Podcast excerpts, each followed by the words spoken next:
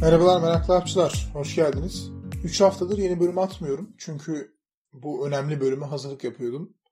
Demek isterdim ama bayağı bildiğiniz üşengeçlikten yapmadım yani. Hatta acaba diyorum geçimimi böyle bir işten sağlıyor olsaydım da böyle rahat olabilir miydim? Şaka bir yana bence bu bölüm gerçekten güzel oldu. Konumuz insan. Geçtiğimiz günlerde kaybettiğimiz güzel insan Doğan Cüceloğlu Nilay Örnek'le yaptığı podcast programında Engin Gençtan'ın Hayat kitabı için başucu kitabıdır diyor. Ben Hayat kitabından değil ama Engin Gençtan'ın İnsan Olmak kitabından bir alıntıyla başlayacağım. Kitabın ilk sayfasında insan var olduğu günden bu yana sürekli olarak içinde yaşadığı dünyayı ve evreni tanımaya, anlamaya çalışmış. Ancak bu çabası içinde en az tanıyabildiği varlık yine kendisi olmuştur. Diyor, devamındaki alıntım ise Bin Kitap sitesinde Seradam isimli kullanıcının yorumları. Önemli gördüğüm için tekrar edip bağlayacağım.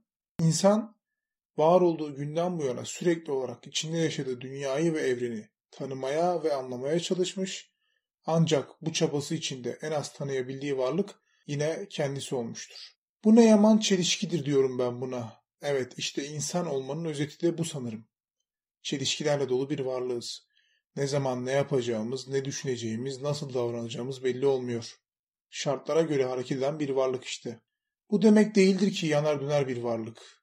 Ne olduğu belirsiz. Yalan dolan manasında değil. Değişim sürecinden bahsediyorum. Her an, her saniye değişiyoruz ama farkında değiliz. Öyle bir zamanda yaşıyoruz ki öyle şeylerle karşılaşıp öyle şeyler görüyoruz ki değişmemek mümkün değil. Ancak bu değişim iyi yönde olursa anlamlı oluyor. Yoksa zaten sonuç başta yazdıklarıma çıkıyor. Kendini tanımıyor olmaya.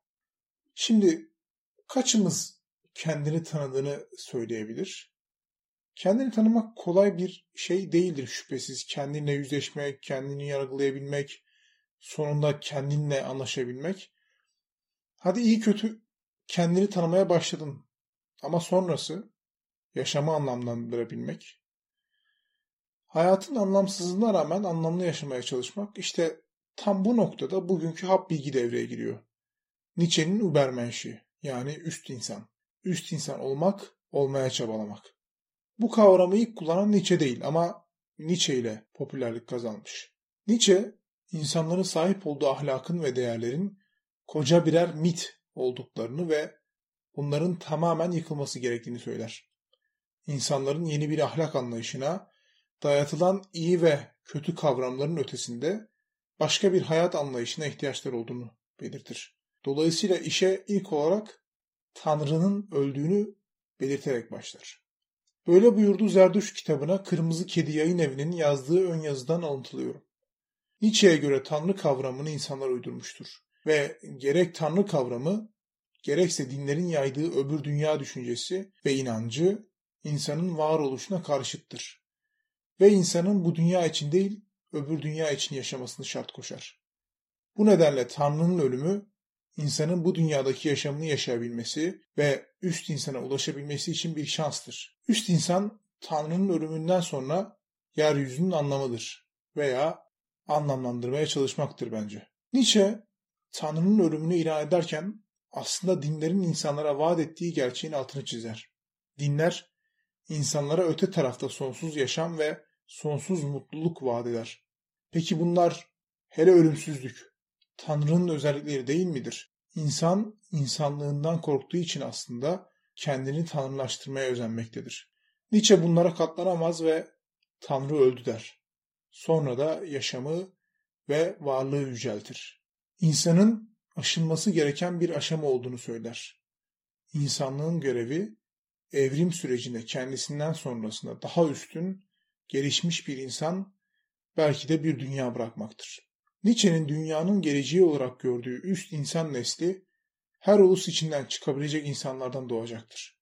Tevfik Fikret'in dediği gibi vatanın ruhi zemin, tüm dünya, milletin nevi beşer, tüm insanlık. Bundan sonra iki haftada bir bölüm olacak şekilde bir standarta oturtmak niyetindeyim. Kapanışı Yaşar Kemal'le yapıyorum. Sonraki bölümde görüşmek üzere. Kendinize iyi bakın. Son düşüncelerime gelinceye kadar ben çok çok acı çektim. Ve şu bir karanlıktan geliyoruz, bir karanlığa gidiyoruz ama iyi ki gelme, gel- geldik bu dünyaya. Bu güzel şeyi gördük gidiyoruz. Ya gelmeseydik ne vardı babam? Nerede yanlış var? Şimdi bir yandan e, dışarılarda ödülleniyorsunuz, burada itilip kakılıyor, e, mahkum oluyorsunuz. Almanya'da baş tacı ediliyorsunuz, en büyük ödülü alıyorsunuz.